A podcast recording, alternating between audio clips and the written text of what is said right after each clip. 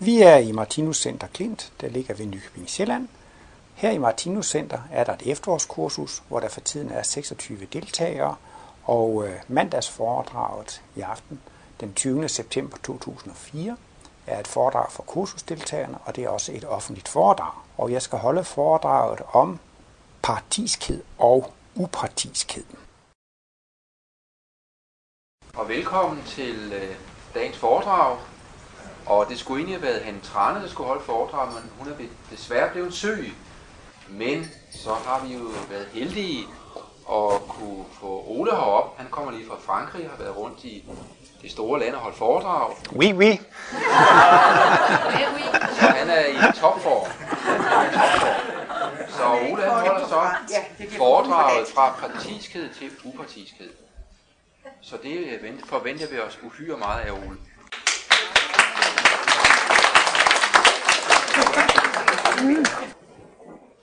Ja, jeg skal tale om partiskhed og upartiskhed. Og øh, det kan måske lyde som om, at det er sådan et lidt specielt emne i yderkanten af kosmologien, men øh, det er det slet ikke. Jeg har jeg kan huske, at vi har læst livets bog mange gange i studiekredse heroppe, og øh, Martinus han går ind på det her begreb med partiskheden allerede i fortalen til livets bog. Livets bog, det er hans helt store hovedværk i syv tykke bind. Og øh, første bind af, af livets bog, det er jo stort set kun indledning til hele, hele værket livets bog. Men øh, livets bog bind 1 er også opbygget sådan, at der findes en fortale. Man kan sige, hele første bind af livets bog, det er næsten et overblik over hele kosmologien. Men går man ned i fortalen, som er på et par 20 stykker, så er fortalen faktisk også et overblik over hele verdensbilledet. Og så har vi haft et genihop, der hed Kjell Høglund, som man gang kunne se, at hele verdensbilledet var pakket ind i stykke 1 i fortalen. Han har jo skrevet en lille artikel i Kosmos en gang, hvor han skriver kosmologien i en nødeskal. Det er en meget usædvanlig sætning på fem linjer, og Sjæl han havde forsket den meget og kommet til, at hele verdensbilledet var gemt ned i denne ene sætning. Men i Martinus' pædagogik kan man tit se, at han laver lige en kort runde i problemstillingen, som er sat ind i det. Og det gør han egentlig i stykke 1. Og så på en måde i de første syv stykker i fortalen, der synes jeg også, der får han også pakket hele kosmologien ind i de første 6-7 stykker, og slutter jo med, at alt er så godt. Og hvis man så tager hele fortalen med et par 20 stykker, så synes jeg også, man har fået en runde i verdensbilledet. Og læser man første bind af livets bog, så får man sådan set også en runde i verdensbilledet. Så det nævner jeg bare, fordi jeg synes, at det er alligevel meget centralt, det han kommer ind på med den partiske kærlighedsevne allerede i øh, fortalen. Og grund til, at jeg husker det, det var, at det var en af sætningerne, jeg ved ikke, om det var 12 eller 15 linjer, der var så lang og så kompliceret, så der var næsten aldrig nogen, der kunne forstå den. Så derfor har jeg læst den så mange gange. Og jeg ved ikke, om jeg har forstået den endnu, men øh, og god til at læse op er jeg egentlig heller ikke, men øh, nu har jeg prøvet at anskaffe mig et par læsebriller. Så nu skal jeg prøve at og kigge på et stykke her i fortalen. Den version, jeg har her, der står styknummeret ikke, men det er sådan cirka omkring 10, 12, 14 stykker, hvor Martinus har skrevet et stykke, som er på en sætning, og det handler om erkendelsen af livets bogs sande natur. Og øh, jeg skal nok komme til at kludre i det, så jeg må hellere fortælle pointen med det samme. Og det er jo altså, man kan simpelthen ikke forstå indholdet af livets bog med en, med en partisk kærlighedsevne. Man må altså have en, en upartisk kærlighedsevne for at kunne forstå livets bog. Stykoverskriften hedder Erkendelsen af livets bogs sande natur. Da livets bog er identisk med et resultat, der er frembragt af altets overfysiske tilstands materielle virkninger fra så stort et område eller af en så omfattende natur, at en i ren kultur selv oplevet upartisk overblik over samme absolut kun kan tilegnes gennem et sansesæt, der observerer fra et udviklingstrin eller et udsigtspunkt, hvis bestigning kun er mulig ved hjælp af en ud, fuldt udviklet kærlighedsevne, vil den absolute forståelse og erkendelse af bogens sande natur blive mere eller mindre partisk farvet eller formet af den studerendes eget sansesæt i samme grad, som denne måtte tilhøre et udviklingstrin, hvor man endnu kun er i besiddelse af en mindre udviklet eller partisk kærlighedsevne. Så det kan I godt se. Det er jo noget, vi kan få til lang tid til at gå om at snakke i, i, i, i kredsen. Men der kommer et, et, et stykke, som måske er endnu længere, hvor han går ind på den her øh, partiske kærlighedsevne. Og øh, det korte og lange, det er jo altså, at Martinus her i fortalen skriver om, at han selv har en fuldt udviklet kærlighedsevne, en total upartisk kærlighedsevne, og derfor har han været i stand til at forstå hele verdensaldet, som det hænger sammen. Han siger jo, at øh, hvad, hvad er sandheden? Jamen sandheden, det er simpelthen selve livet, selve virkeligheden. Det er simpelthen alt, hvad der eksisterer. Livet og tilværelsen, det er jo simpelthen selve sandheden. Martinus spørger nogle gange, nej, eller ja, man kan spørge Martinus, hvordan kan du vide, at du skriver sandheden?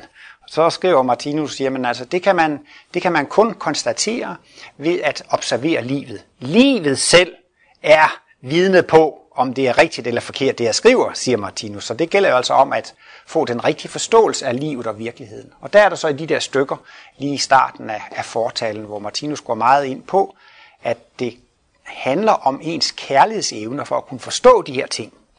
Der er et andet sted, hvor han også forklarer, at intuitionsevnen, det er en sanseevne. Og øh, det man sanser med intuition, det er også kærlighed. Så det er også interessant, at han har et udtryk, han kalder for en kærlighedssans. Altså, når man er fuldt udviklet, så får man jo kosmisk bevidsthed og lidt før kosmiske glimt, men efterhånden, altså som ens kærlighedsevne bliver udviklet, så får man intuition. Og det er altså en helt ny sanseevne, men denne sanseevne er også en kærlighedssans. Altså jo mere man udvikler sin intuition, jo mere kan man også i dagligdagen opleve, om noget er udtryk for kærlighed, eller noget det er udtryk for, for primitivitet. Men for ligesom at skulle kunne beskrive hele verdensaltet og alting, så må man altså have en fuldt udviklet kærlighedsevne. At, jeg mener parti, det må der være noget med en del, ikke sandt? Altså part, en part, parti, tage parti, en del, altså så er det jo kun en, en del af det. Martinus bruger jo også det her billede med fluen, der sidder på et lille parti af et billede, og så siger det, alt i verden er sort. Og så kommer og siger det fluen, nej, nej, nej, nej, det er et flot farvet maleri. Nej, siger fluen, alt hvad jeg kan se, det er sort, kom ikke og fortæl mig noget. Og det vil så sige, at der har fluen jo oplevet livet i et flueperspektiv. Det er jo sådan set også i et partisk parti, altså i et, i, i et delbillede. Den kan ikke opleve det hele på én gang. Og så må man også sige, jamen altså, hvis man kun kan opleve en del, så kan man jo ikke opleve hele maleriet, så kan man ikke an, opleve sandheden eller, eller det fuldkommende. Så, så for ligesom at kunne komme til at kunne opleve sandheden, så må man jo simpelthen se det hele i total totalperspektiv eller i helhedsperspektiv, og det kan man altså ikke gøre med sådan en øh, delvis udviklet kærlighedsevne. Martinus skriver jo meget om Adam og Eva og Bibelen og forklarer, hvordan der er mange sandheder i Bibelen, og det er jo mange billeder og symboler, og med sin kosmiske bevidsthed, så kan Martinus jo forklare og se de her symboler og forklare, hvad det ligger i det. Men han forklarer alligevel, at de, der har skrevet Bibelen og det gamle testamente med al den symbolik, de har ikke haft det fulde overblik over tilværelsen. De har ikke haft det fulde overblik over spiralkredsløbet, fordi at beskrivelsen i Bibelen er alligevel partisk. Men Martinus kan jo forklare, hvordan Adam og Eva de er ved at være mætte af paradiset. De er ved at blive kærlighedsrobotter, kærlighedsmaskiner. De er ved at miste deres sanse evne. De ser kun lys, lys, lys, lys, atter lys. De er ved at blive blændet eller blive blændet. Og også ifølge perspektivprincippet for sansning, så er mørket jo perspektivisk ved at blive meget lille. Og de længes derfor efter en ny livsoplevelse, og de længes efter altså at opleve noget nyt. Og det er så, øh, altså det er den fysiske verden, de længes efter, og det er jo så symbolet ved kundskabens træ. Det er meningen med den fysiske verden, det er, at man skal udvikle sig, det her, man får kundskab og viden, og de længes altså efter at få fornyet deres livsoplevelsesevne. Og det er jo alt sammen så godt. Men den måde, det bliver fremstillet på i Bibelen, det er, at det var noget helt forfærdeligt, de gjorde, da de spiste da Eva spiste af æble. Det var en fejltagelse af rang, og så kom jo syndefaldet, og han har sagt også syndfloden og arvesynden, og altså det var jo helt forfærdeligt, ikke sandt? Og det har jo så ligget menneskene til last i lang tid, at Eva hun lavede den der store bummer eller brøler med at spise af det. Og slangen blev altså fremsat som en værre bandit. Altså slangen, det var fristeren, og det var simpelthen det, der var skyld i alt det her med syndefald og arvesynden osv. Så, videre. så det var jo en værre historie. Der kan man så sige, at der svarer Bibelens beskrivelse ikke til det upartiske, som Martinus siger. Martinus kan vise, at det, det, det er meget interessant, at der faktisk findes noget trygt litteratur i dag om den del af spiralkredsløbet, hvor Adam og Eva er i den åndelige verden, og det er sådan set også beskrivet, de skal ind. Men de forstår jo ikke, at det er en stor velsignelse, at de får fornyet deres livsoplevelsesevne. Det er jo simpelthen, de er jo lige ved at dø, og det er jo alle, det er ligesom vand fra ørkenvandreren, altså at, at de får lov til at få fornyet deres livsoplevelse. Så i virkeligheden så er slangen jo altså en frelser. Det er en verdens frelser, det er en verdens fornyer.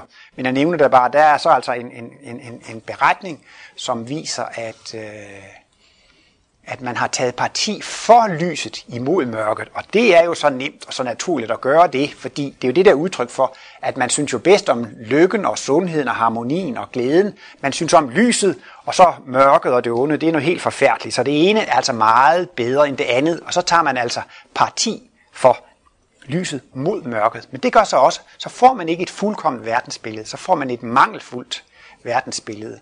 Og så er det jo så hele, ja, så må man jo forklare det på en anden måde i, i kirken, det her med syndefald og arvesynden, og så kommer Jesus, og så kan man, han giver sit liv for os, og så kan man blive frelst af ved Guds nåde, og der, der er så mange udflugter for at forklare hele den her historie. Og det kan man jo altså ikke gøre på logisk grundlag, fordi at det er altså ikke et, et, et fuldstændigt, et, et, et upartisk uh, verdensbillede. Når man ser det meget neutralt, så kan man jo se på symbolet over yin og yang. Hvad er det vigtigste, lyset eller mørket? Ja, men de to ting, de er jo lige vigtige. Man kan godt nok sige, at jeg er optimist, jeg vil ikke have noget mørke. Væk med mørket, så har man jo bare et stykke hvidt papir.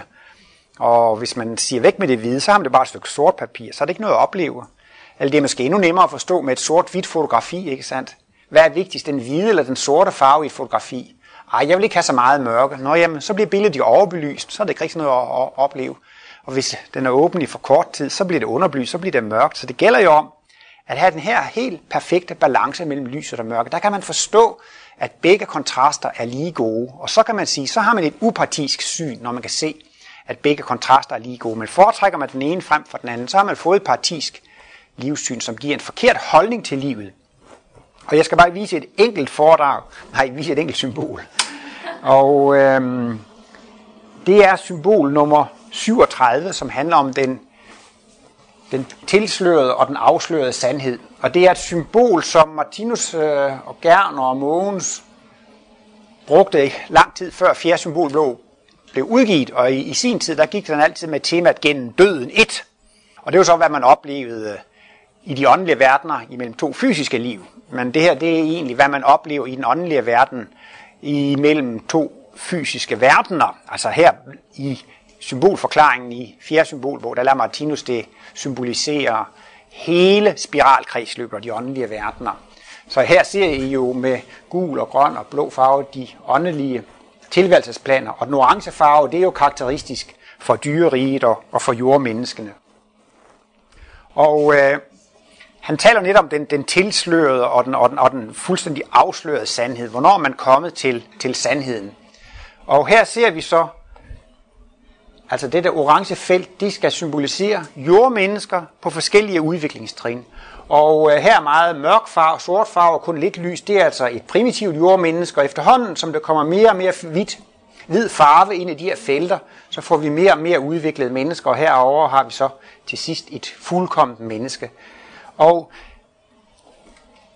når man ser på tilværelsen, så er man vant til at dele det i lys og mørke, godt og ondt. Der findes to slags oplevelser. Der er det, der er behageligt, og det, der er ubehageligt. Og Martinus mener, at det er egentlig det, der ligger, grund, ligger grunden til al religiøsitet med Gud og djævel. Altså, det, der er godt, det er jo noget Gud er ophav til. Det er det lyse, det er godt.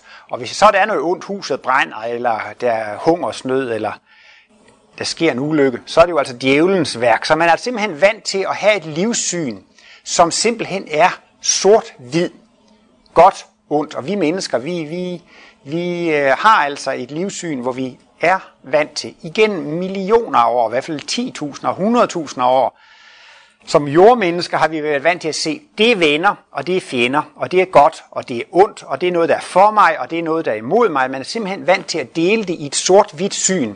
Og det er så også det, der har afspejlet sig i religioner, at man har en gud og en djævel.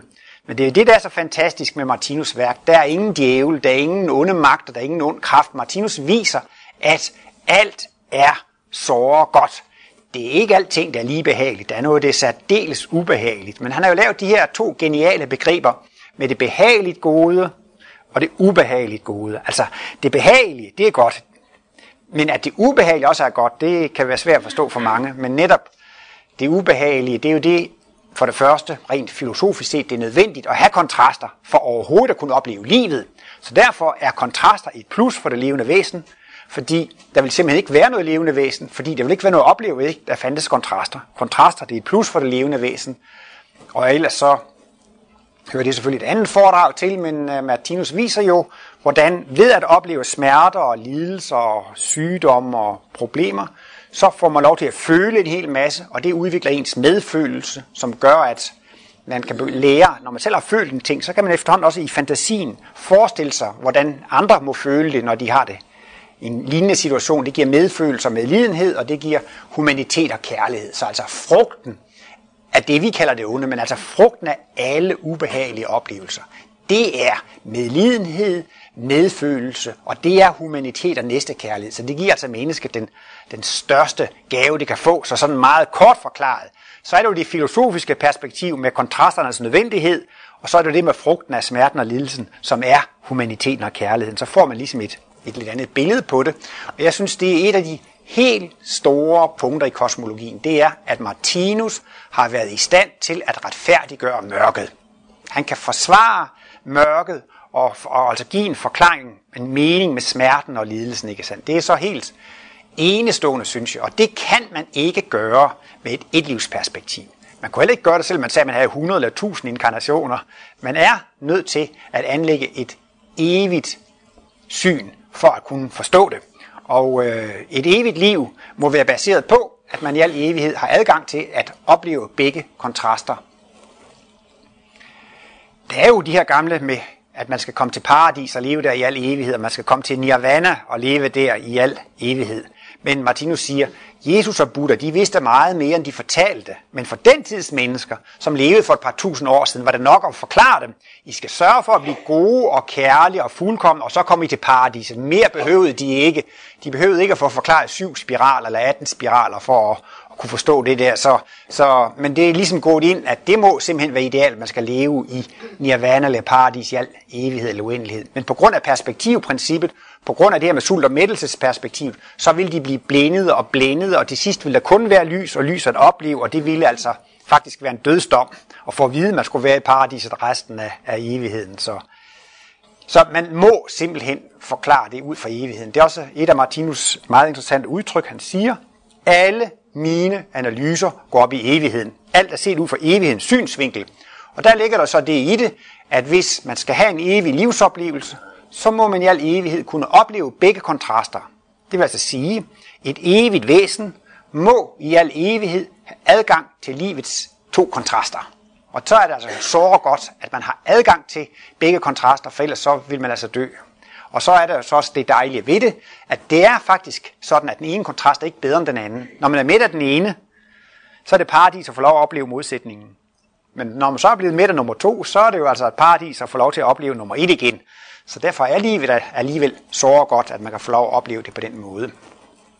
Martinus siger jo også et sted, alle mine analyser går op i kærligheden. Martinus viser, at alt er udtryk for kærlighed.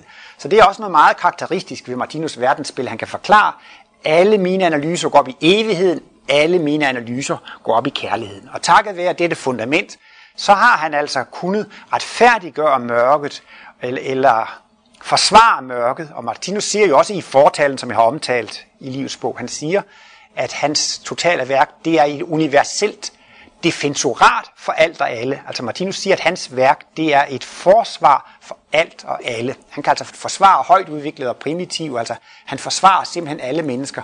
Fortalen er jo et, et mesterværk i tolerance, hvor han ligesom kan forklare alt og alle. Der er også et stykke, der er nogen, der synes, det er lidt svært at forstå. Der er nogle mennesker, som angriber Martinus, eller angriber livets bog, og så siger Martinus, det er mine medarbejdere. Men det er jo fordi Martinus han viser, hvordan livet fungerer. Og hvis man, har, hvis man er sat sammen på den måde, så vil man nødvendigvis angribe livets bog. Hvis man er sat sammen på den måde, så vil man blive inspireret af det. så siger han, ja, er man sat sådan og sådan sammen, så vil man angribe livets bog.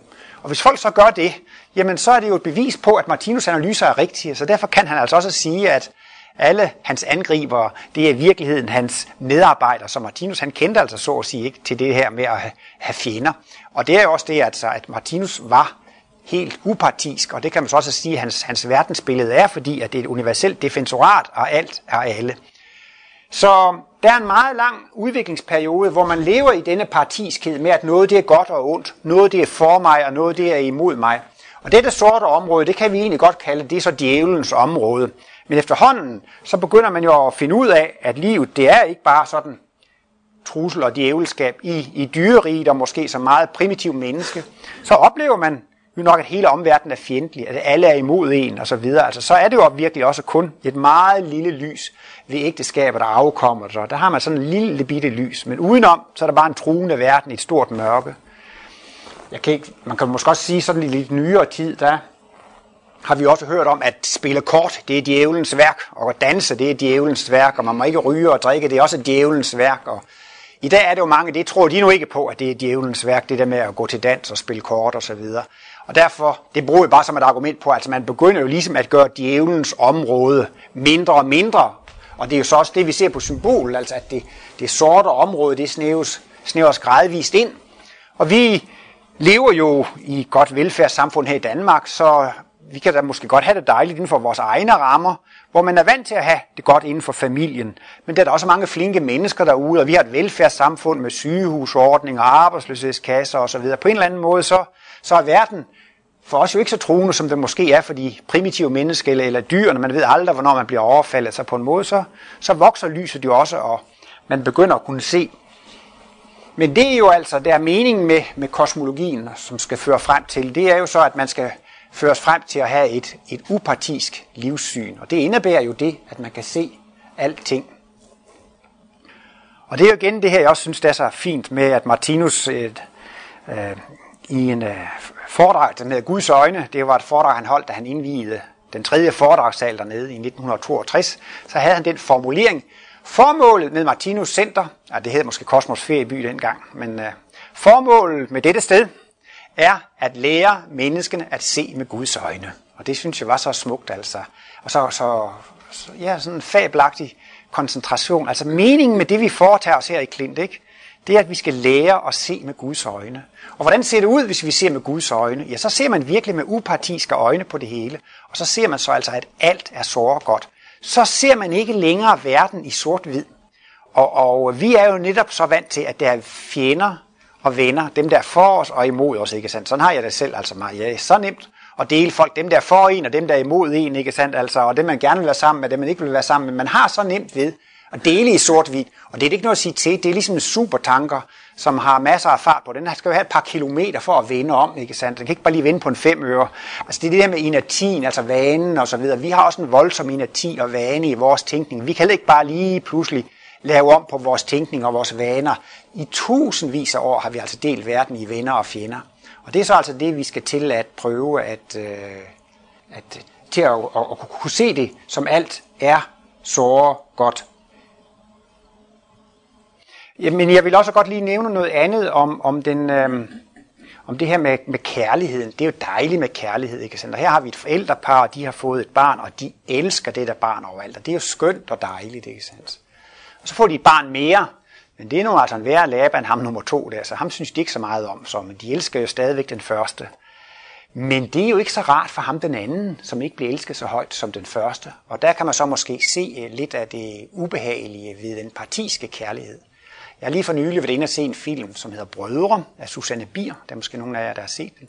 Jeg var meget øh, glad for at se den film. Og øh, den ene bror, han er i Afghanistan, og så dør han i en ulykke. Det viser sig så senere, at han er overlevet ulykken, men altså i første omgang, så tror man, man dør, og så kommer beskeden jo hjem til familien, at øh, broren er død. Og så kommer faren jo nærmest til at sige til lillebror der, ja, det var jo den forkerte søn, der døde. Og han var jo det sorte for i forvejen. Men jeg nævner bare det der med, at, at det er jo selvfølgelig dejligt, at de elsker det elskede barn, ikke? Men det er jo alligevel så dræbende og så ødelæggende, at man tager parti fordi det skulle man jo helst ikke, når der drejer sig for eksempel om børn. Ikke? Og der ser man så bagsiden af denne ikke fuldt udviklede kærlighedsevne. Det er dejligt at være i yndest hos nogen, men det er ikke så rart, hvis man øh, kommer i anden øh, omgang. Jeg skal også måske lige nævne ved filmen der, at, øh, at øh, den, ham den gode bror, der han, i krigen, han, han bliver mere eller mindre tvunget, eller han, han kommer i hvert fald til at slå en anden ihjel, ikke sandt? Mere eller mindre under tvang, eller fordi han gerne vil, vil hjem igen. Og det er faktisk også, og så kommer han jo hjem, og det er jo ikke rart at gå med i baghovedet, hvad det er, man har gjort derude. Og han fortæller det ikke til nogen, hvad det er, han har gjort. Så det er klart, at han er jo lidt stram i betragtet og lidt alvorligt. Det er ligesom at tappet lidt af livsglæden, for han går bare og tænker på, hvad det er, han har gjort derude. Og Martinus, han, han viste en gang imellem nogle billeder på nogle af sine store kursusforedrag. Og der har Martinus et billede af en soldat, som, jeg ved ikke, om han sidder over en, han har dræbt med en dolk, eller han bare ligger på knæ, men i alle fald, så er det altså en soldat, som har dræbt den anden. Og han har simpelthen, han angrer det i den grad. Ikke? Han græder, jeg ved ikke, om han folder hænderne og kigger mod himlen. Ikke? Sådan, åh Gud, åh Gud, hvad har jeg dog gjort? Og det fremhæver Martinus også som et helt afgørende punkt i udviklingen. Altså, det kommer på et eller andet tidspunkt, så har man dræbt et andet menneske for sidste gang. Og når det er sidste gang, så er det jo netop også fordi, at man virkelig har følt, det var så helt forfærdeligt, det jeg har gjort. Det synes jeg også, det var også sådan en af de ting, der var lidt interessant ved den film, det er, at, at det faktisk også bliver sådan lidt af, af, af et kernepunkt i, i, i filmen, altså at, at man kommer til at opleve den situation, hvad er det dog, jeg har gjort, og hvordan det opleves, ikke? Og så er det på et tidspunkt, når man er blevet tilstrækkeligt human, så ved et tilfælde, så er det altså sidste gang, man har gjort det. Og det, der, der er man selvfølgelig også, men øh, jeg kan da anbefale filmen, og den får også sådan en god, øh, god øh, forløsning.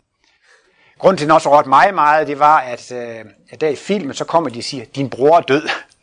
Og det oplevede jeg i 1997, da jeg holdt foredrag nede i Tjekkiet. Så fik jeg et brev. Kære Ole, Hans er død.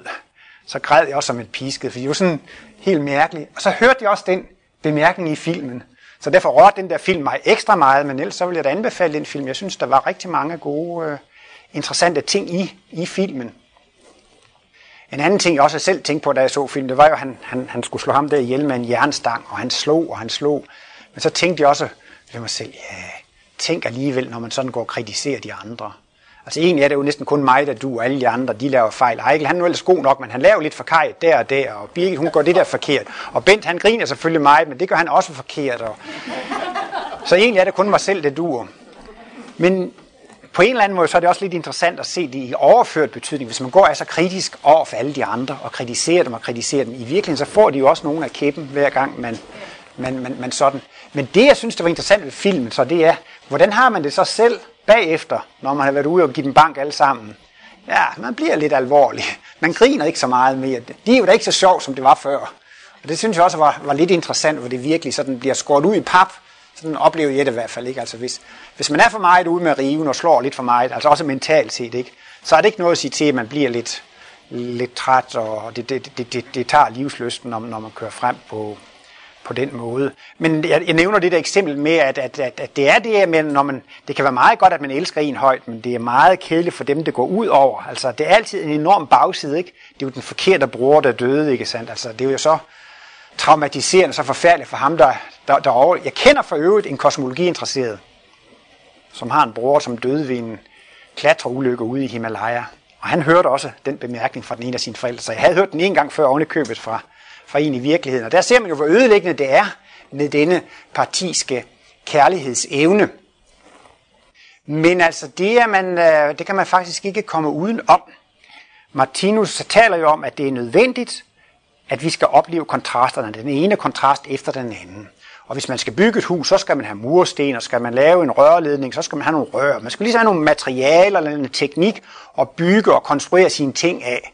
Og så er spørgsmålet altså, hvordan er lysets anatomi, og hvordan er mørkets anatomi? Hvordan skal man sådan rent kosmisk konstruere et væsen, som skal være et lysevæsen? Og hvordan skal man sådan rent praktisk konstruere et væsen, som, som skal være et mørkevæsen? Altså, hvordan er bare teknikken eller materialerne bag ved det? Og der er det jo det her med, at Martinus kommer ind på, at det er altså polerne, som bestemmer hele den, hele den her teknik med, hvordan man er. Alle levende væsener er dobbeltpolede. Og det er fredens anatomi, og det er jo netop det. Så er man jo totalt upartisk. Man har begge dele i sig, og man er totalt i balance. Men så findes der altså også en enpolet struktur, hvor den ene pol, den er der ganske vist, men den er latent, og den hviler, og så er den anden pol, altså dominerende, og så har vi altså enpolede væsener. Og det har vi stort set kun i dyreriget. Man kan sige, i slutningen af planteriget, så begynder man at, øh, altså blomster, de har som regel både støvdrager og støvbæger, altså de har både øh, hundkøns og hankøns organer. Men i slutningen af planteriget, så kommer der for en slags udspaltning i handblomster og hundblomster. Blandt andet øh, humler, hamp og pil, de har øh, særkønsblomster. Der var en gang, jeg holdt for dig over i Kalifornien om polforvandlingen, og så kom jeg til at nævne det her. Så de ryger jo hash ud. Det synes det var en god teori, den der hampen. Det måtte være en meget højt udviklet plante. Det, det er den, de laver hash af, så de synes, det var en god teori, den der med, at, øh, at øh, de højst udviklede planter, de var ved at dele sig ud i to køn. For ellers så har de fleste planter jo hankøns og hunkøns i det samme. Men ellers så kan man sige, altså, der er også nogle primitive dyr, de ved knap nok, om de er han eller hunder, og de skifter lidt. Så det er sådan lige i begyndelsen af dyreriet. Men stort set må man sige, der er kun dyreriet, hvor man er enpolet, og i midten af dyreriet omkring dyremennesket, mellem abemennesket og menneskeaben, der, der kulminerer man i enpoletid. Og det er altså øh, mørkets teknik, at man har de her to poler.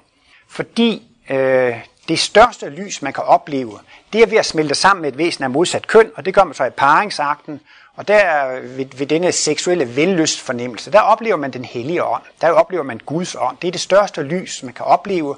Og netop ved, at man får lov til at smelte sammen med et væsen af modsat køn, så er det to halvkønsvæsener, der ved sammensmeltning bliver et helkønsvæsen. Ikke sandt? De bliver en fuldkommen ting, og i de få sekunder der, der kan man så opleve Guds ånd eller den hellige ånd. Det er absolut suverænt det højeste lys. Men det er så netop det, der ligger bag mørkets eller krigens anatomi, at man er ikke et suverænt væsen. Man kan kun opleve lyset, hvis man har adgang til et væsen af modsat køn. Det vil sige altså, at man er ikke selvgående, man er ikke suveræn. Man er afhængig af noget derude i den ydre verden. Og da det så er to køn, men det er masser af væsener, der er millioner af hanner og millioner af hunder, så får man altså en lang række konkurrenter til det modsatte køn. Og det er så simpelthen det, der er roden til alt ondt. Altså man kan ligesom sige enpoletheden. Det er roden til alt ondt. Det er roden til al konkurrence, rivalitet, krig og kamp. I dyreriet, der gælder det om at være den stærkeste, fordi så har man adgang til de smukkeste og mest attraktive eksemplarer af det, af det, af det modsatte køn. Øh, senere er det ikke bare den fysiske styrke, der så gør sig gældende. Hvis vi ser på mennesker nu om dagen, så hjælper det jo meget, hvis man er meget rig. Hvis man har rigtig mange penge, så er det lidt lettere at, at få fat i de smukke af det modsatte køn. Og hvis man er meget berømt og meget kendt, hvis man er præsident eller har, har vundet noget eller er meget berømt, så, så, så har man større chance. Og øh, jeg plejer jo også lige at skal frem med, med, med, med massakren, hvad hedder maskaraen og læbestiften, og kvinder, de bruger måske ikke de her midler med at have de største muskler og sådan noget, men de har så nogle andre midler, ikke sandt? Man kan simpelthen spørge, hvorfor sminker kvinder sig? Er det for deres ægte mands skyld, at de sminker sig? De som regel, de sminker sig aldrig, når de går derhjemme faktisk. Det er faktisk først, når de går ud af døren, at de sminker sig. Og hvorfor gør de det? Ja, så Martinus mener jo alligevel, det er øh, faktisk fordi, at øh, de gerne øh, vil gøre et godt indtryk derude, og gøre et bedre indtryk end deres rivaler, altså andre kvinder. Så derfor smukker man sig lidt. Så det vil sige, at, at kvinder har så også deres midler til at udkonkurrere deres kønsfælder. Men selvfølgelig er det altid godt at være berømt og være på forsiden og være nummer et og være kendt osv. Så, videre. så faktisk alt det, der ligger bag altså al, al konkurrence og rivalitet, det er altså på grund af, af denne, denne kærlighed. Og så er det også klart, at så bliver man jo i højeste grad partisk i sin kærlighed, fordi det er simpelthen ens adgang til det guddommelige lys. Det er et væsen af modsat køn, og derfor bliver ens kærlighed altså meget partisk. Og sådan skal det være, fordi det er simpelthen det, der holder det evige liv i gang. Denne enpolighed, det er altså garantien for, at man kan opleve kontrasten til lyset, det er mørket. Og hvad er vigtigst, lykken eller ulykken? Jamen, de er lige vigtige begge to. Altså, jeg synes også, det er så fantastisk, når Martinus forklarer, denne verden kan ikke være konstrueret på nogen tænkelig måde, på en bedre måde. Alt er så godt, som det overhovedet kan være. Verden, universet, det hele, det er simpelthen konstrueret så fuldkommen, det kan ikke gøres bedre. Det er da egentlig en fantastisk tanke, men jeg plejer jo nogle gange at foreslå, kan I komme med nogle forbedringsforslag? Det tager vi lige bagefter. Men næsten alle forbedringsforslag går på at fjerne ulykken og fjerne sygdommen og fjerne de kriminelle og fjerne bomber og atombomber alle forbedringsforslag går på at fjerne noget af det mørke.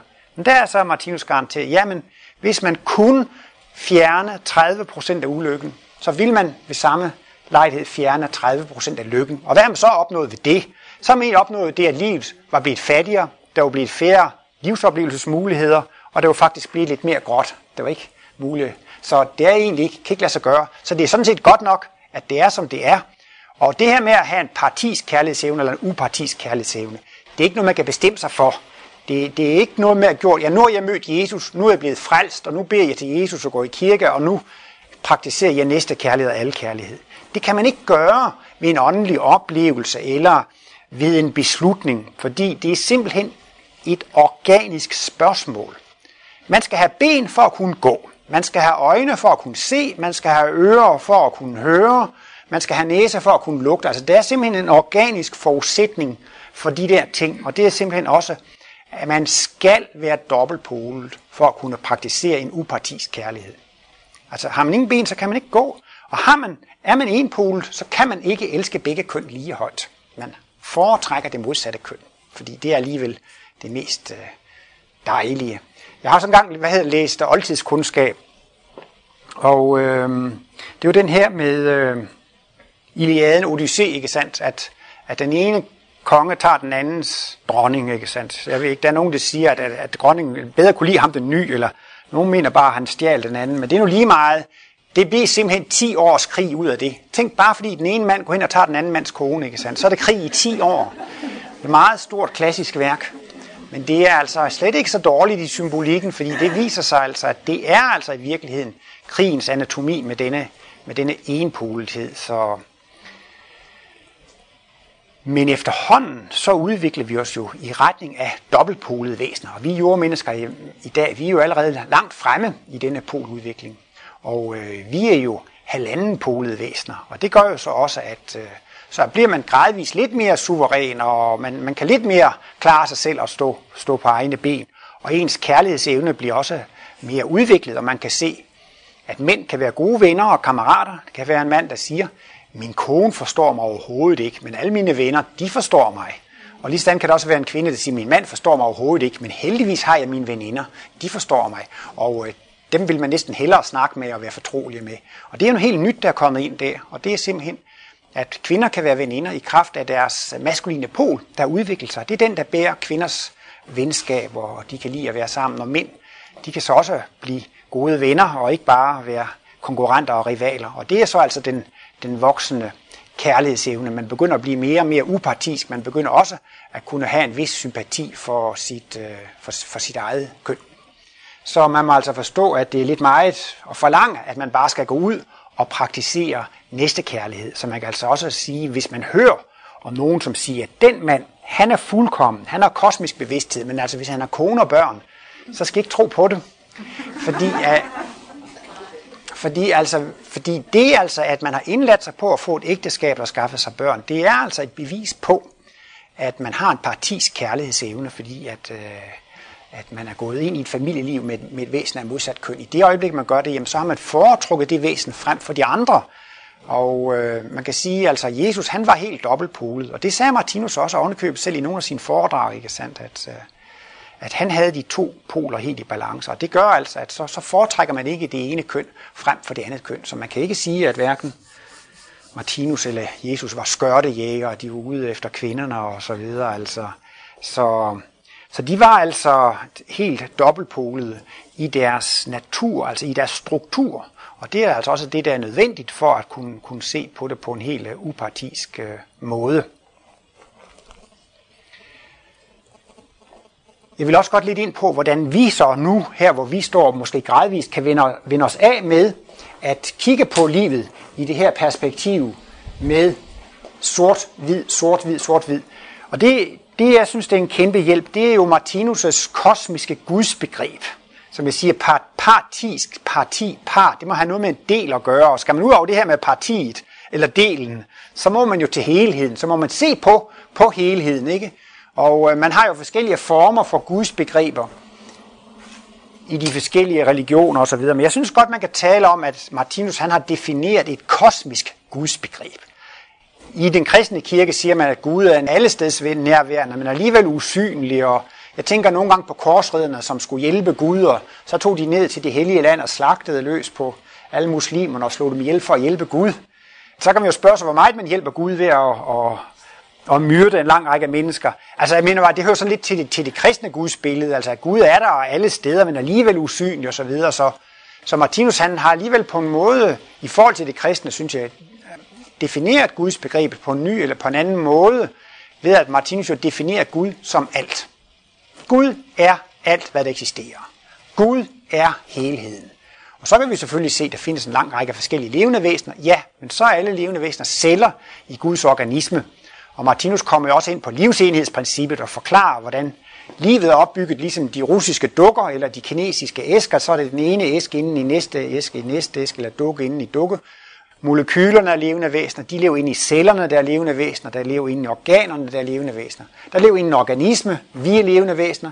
Vi lever i en levende planet, der lever i et levende solsystem, der lever i en levende galakse, der lever i en levende gruppegalakse eller galaksegruppe, og sådan fortsætter de i al uendelighed. Men det giver en et helt andet, øh, et helt andet øh, syn på Gud, fordi Gud er alting. Og så må man jo også sige, hvis man virkelig kan elske sin Gud over alle ting, eller elske Gud, så har man jo også en upartisk kærlighedsevne. Man kan, man kan selvfølgelig sige, at øh, på et eller andet tidspunkt vil man komme så langt frem i sin udvikling, at man tager parti for helheden.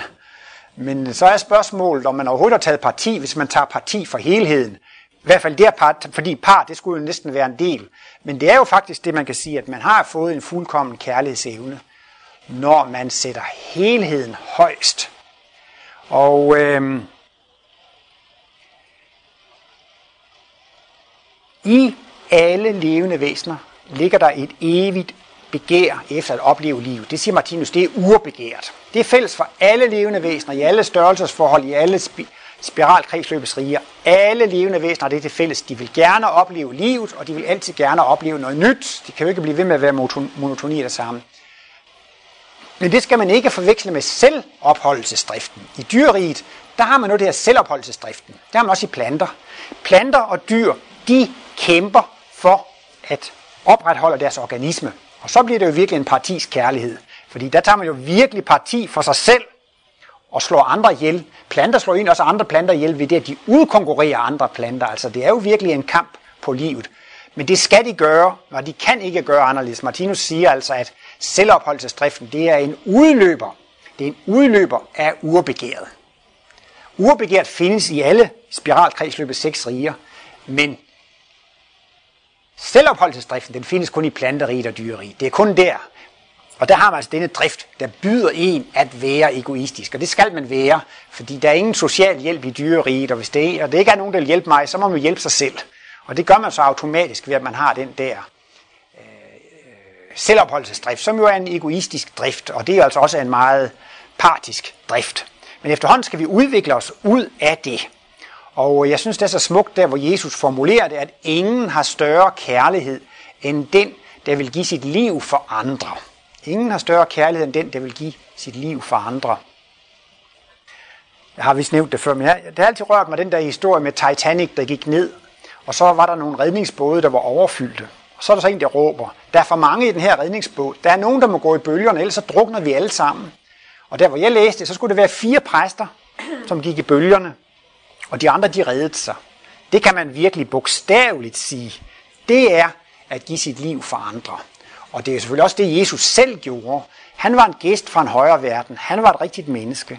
Og øh, han ville godt gå ned i en verden af ufærdige mennesker og vise en model på det fuldkommende menneske. Man skal jo helst have ideal, en ledestjerne, et mål at se hen imod. Man skal jo gerne vide det.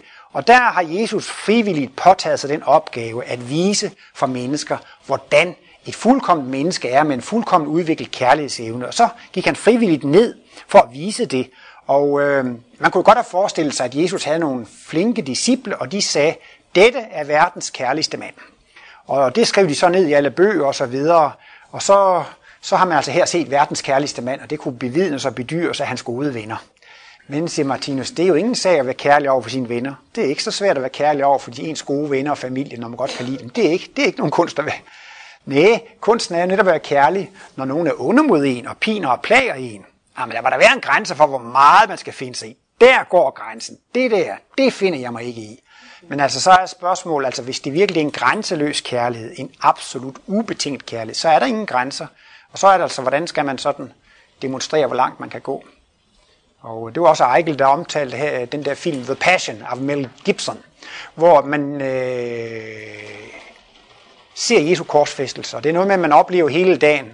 Og det er noget med, at han oplever, de, det er en meget grusom eller brutal film, for man ser, hvordan han bliver pint og plaget, altså det bliver rigtig udpenslet. Hvor forfærdelig en smerte og lidelse har han udsat for. Og det kan selvfølgelig i sig selv være meget, meget ubehageligt, men jeg synes, det er interessant i den her sammenhæng at se altså, det tog han på sig.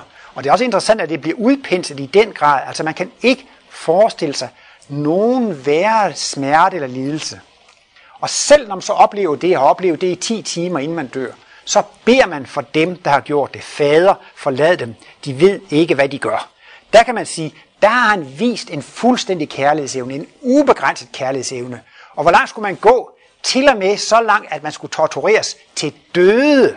Der kan man jo også virkelig sige, at Jesus han gav sit liv for andre. Men det kan da også være et parforhold, hvor der er to, og så vil den ene gerne have en uddannelse, og jamen det er der desværre ikke råd til. Så siger den anden, jamen jeg kan godt arbejde lidt over, så, så kan du få din uddannelse. Det synes jeg også på en måde, det er at give sit liv for andre, fordi man, man vælger at tage et lille ubehag på sig, for at en anden kan have det godt. Ikke? Det er jo så også at give sit liv for andre. Og jeg plejer også at have det her eksempel med, hvis nu du skulle komme en stor verdenskrig, og der ikke var nok mad, hvad gør man så? Ja, det første man tænker på, det er, hvordan skal jeg nu hamstre mad og konservesdåser og et par sække med ris og jeg ved ikke hvad. Og et par pakker gær, ja. ja. Øhm. Martinus taler jo netop om den her lov for beskyttelse. Hvis man beskytter andre levende væsener, så er man selv beskyttet. Og til sidst, så skal ens kærlighedslevende blive så stor, at man beskytter andre menneskers liv. Overalt, alle steder. Man beskytter simpelthen bare alt liv. Først der får man selv beskyttelse. Og der tænker jeg tit, det er sådan, øh, alligevel lidt tænkt, men altså lad os nu sige, at man var der, og der kom krig, og der ikke var mad nok, ikke sandt? Der kan man så også spørge sig, om man giver sig til at hamstre, eller man vil give sit liv for andre. Så kan man også sige, ja, hvis det ikke er mad nok, så vil jeg nok have det lidt dårligt ved, hvis jeg tager maden fra de andre og skal se på, at de andre dør af sult. Det vil jeg ikke have det godt med, det vil jeg ikke kunne klare. Nej, så vil, så vil jeg egentlig hellere selv dø af sult, og, og lade de andre få maden. Ikke? Altså man kan sige, så langt skal man egentlig komme. Man skal komme så langt, og der kan man også sige, der opgiver man jo på en måde også sin, selvophold, sin dyriske selvopholdelsesdrift, som byder en at kæmpe for maden. Så er man kommet så langt frem, man siger, jamen altså, der er nogen her, der skal dø af sult, så, så lad det være mig. Man skal også lige frem komme til det i sådan en krisesituation og konfliktsituation. Ja, hvis der er en af os to, der skal dø, så lad det være mig. Jeg vil i hvert fald ikke skyde dig. Hvis du vil skyde mig, så værsgo, så, så må du skyde. Det vil også sige, altså, når man er kommet så langt, at man er villig til at give sit liv for andre, og det kan også godt være, at man kommer til at gøre det én gang, altså på en måde for at bestå den store prøve i livets eksamen, så giver man sit liv for andre. Men derefter, så er man jo altså totalt beskyttet for det. Det er jo også sådan lidt anderledes, hvis der er i bussen, der er tre ledige sæder, men der er fire mennesker. Så gælder det om at være hurtig at sætte sig ned, for den, der kommer sidst, skal stå op. Og det gælder især om at sætte sig ned, mens man er ung, fordi man kommer til at stå op, når man bliver gammel.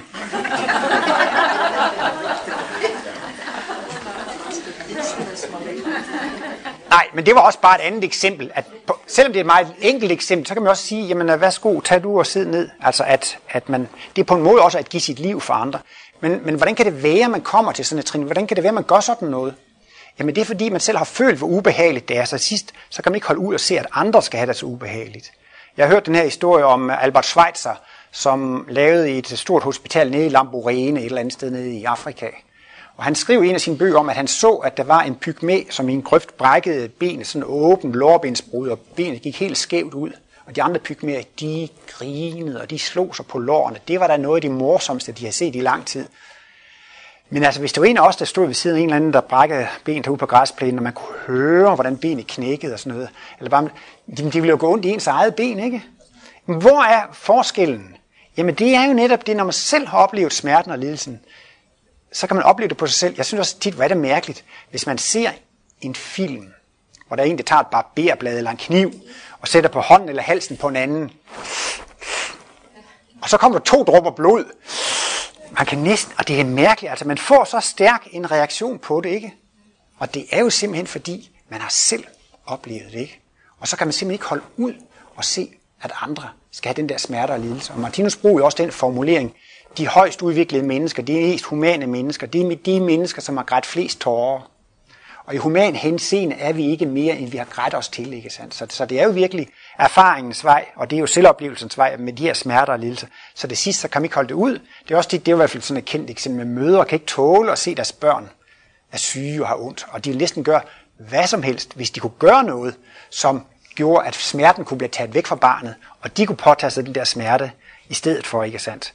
Men det er altså så, kan man sige, det vi er på vej til, og det er et trin, som vi skal komme til. Og det kommer vi jo til af erfarings- og selvoplevelsens vej, at det sidst, så vil vi altså helst gå Kristusvejen. Og hvis det var muligt, så vil vi helst tage smerten på os selv og, og, og hjælpe de andre. Ikke? Og der kan man sige, der er man så netop ude over den dyriske selvopholdelsesdrift, og der er man også ude over det partiske, med at det gælder om for mig at få en partner, og det gælder for mig om at få mad og få magt og få penge, ikke sandt? Men vi er nødt til at praktisere den der partiske kærlighed, når vi har den her dyriske enpolighed med de dyriske instinkter. Men det er rart at vide, hvordan vejen er, og hvordan man gradvist kan, kan øh, vokse ud af, af det her. Og det er jo også det her, som jeg nu har været så meget inde på, med at, at se det der sort-hvidt fjender og venner, og øh, det er jo netop i forbindelse med det kosmiske gudsbegreb, ikke sandt? Hvor man jo ganske gradvist skal til at lære at se, der findes ikke venner og fjender. Der findes Gud. Der findes helheden. Og der er også mange, der er lidt kede af det her med at bede, og det lyder så religiøst og så videre, at bede til Gud eller sådan noget. Men uh, Martinus har jo fortalt, at der findes jo lovmæssigheder. Man kan lige frem tale om bøn som videnskab. Og uh, der kan det jo være godt at forstå, at Gud er helheden. Gud er helheden. Og så efterhånden kan man jo også på logisk basis forstå, at det er bedre at gå ind for nogle ting, som gavner helheden. Det er ikke så godt, hvis der er en ting, der gavner mig, men som skader helheden. Det er jo ikke så godt. Og der, når man er ved at begynde at, at, at, at komme ind på den tankegang, at det er ikke et spørgsmål, om det er noget, der gavner mig. Ja, man skal prøve at se på, hvordan er det for, hvordan er det for helheden. Så er man jo altså faktisk ved at forbedre sit gudsforhold og få et helt andet syn på livet. Og det er jo igen det der med, med venner og uvenner. Altså, hvis der er et andet menneske, som irriterer en, og som er meget sur på, ikke sandt? Der findes to aspekter af det, ikke? At lige så snart man er sur og vred på andre mennesker, så er man i virkeligheden sur og vred på sig selv. Og når man skiller andre mennesker ud og er ond mod andre, så er man også ond mod sig selv. Sådan er det ifølge skæbne- og karmeloven. Så, så det i sig er jo tankevækkende. Altså når vi banker løs på andre mennesker, så banker vi altså løs på os selv. Lige så snart vi er sure og vrede og kritiske osv., så er vi det altså mod os selv. Så hvis man virkelig forstod det, så ville man jo straks man sige, jeg vil gerne have det godt, jeg vil have det behageligt. Hvis man havde forstået det helt til bunds, man ville fuldstændig holde op med at udløse ubehag, fordi det er jo simpelthen ren selvtortur, det er jo selvpineri. I kender godt de her katolske præster med den nihalede pisk. Jeg er arme sønder, eller hvad hedder det, jeg er sønder, så man skal straffe sig selv. Men på en måde kan man sige, at man straffer faktisk sig selv på den samme måde ved at gå og være sur og vred på andre mennesker. Men det interessante aspekt af det er jo, er jo også, at man skal efterhånden og kan ved hjælp af det her verdensbillede træne sig op til at se, at alle mennesker er celler i guddommen. At man møder Gud overalt, og det er jo det, der er kunsten i det. Ikke at dele i venner og fjender, men lige så stille begynder at se, det er guddommelige mennesker alle sammen. Det er celler i guddommen alle sammen. Og alt, hvad disse mennesker siger til mig, det er Gud, der taler til mig, og det er Gud, der underviser mig. Og her i den fysiske verden, der har det altså det formål, at man skal blive fuldstændig man skal blive fuldkommen et færdigt menneske, man skal blive et alkærligt menneske. Så udover at det er dejlig underholdning og behag her i den fysiske verden, så tilstræber den undervisning, vi får. Martinus taler om livets direkte tale, det kan være undervisning og opdragelse. Og vi andre oplever det mere som det der ubehageligt og besværligt og problemer osv. Men det er jo godt at vide, at der findes en guddommelig hensigt bag ved det, som gør de her ting med henblik på at bringe mig frem til at blive et et kærlighedsvæsen. Så derfor har vi jo et vældigt arbejdsområde i, ja man kan måske sige, hver gang man bliver irriteret og vred på andre, så, så kan man begynde at måske at tage sig i at tænke, nå nej, men det er jo mig selv, de har sendt de her energier ud, og den anden er jo ikke årsag til det. Og i virkeligheden, så er det Gud, der taler til mig, og det sker altså for, at det skal blive et fuldkomment væsen. Vi skulle vende os til at sige, at vores fjender var de mest ædle mennesker i livet. De underviser mig, for at det kan blive et fuldkomment menneske. Og de får i hvert fald en dårlig skæbne. Så stykke som de har været over for mig, så får de i hvert fald en dårlig skæbne. Det er da ædelt. De hjælper mig på fornemmeste vis frem i udvikling og påtager sig selv ved samme lejlighed en ubehagelig skæbne eller karma.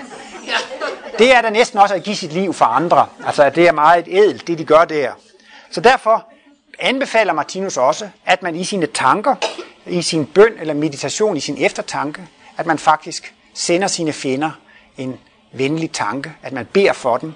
Og øh, Martinus blev tit presset på, om han ikke havde en metode til højere udvikling, hurtig vej til kosmisk bevidsthed. Men han blev ved med at holde fast i den absolut korteste og hurtigste vej til kosmisk bevidsthed. Det er at tilgive sine fjender.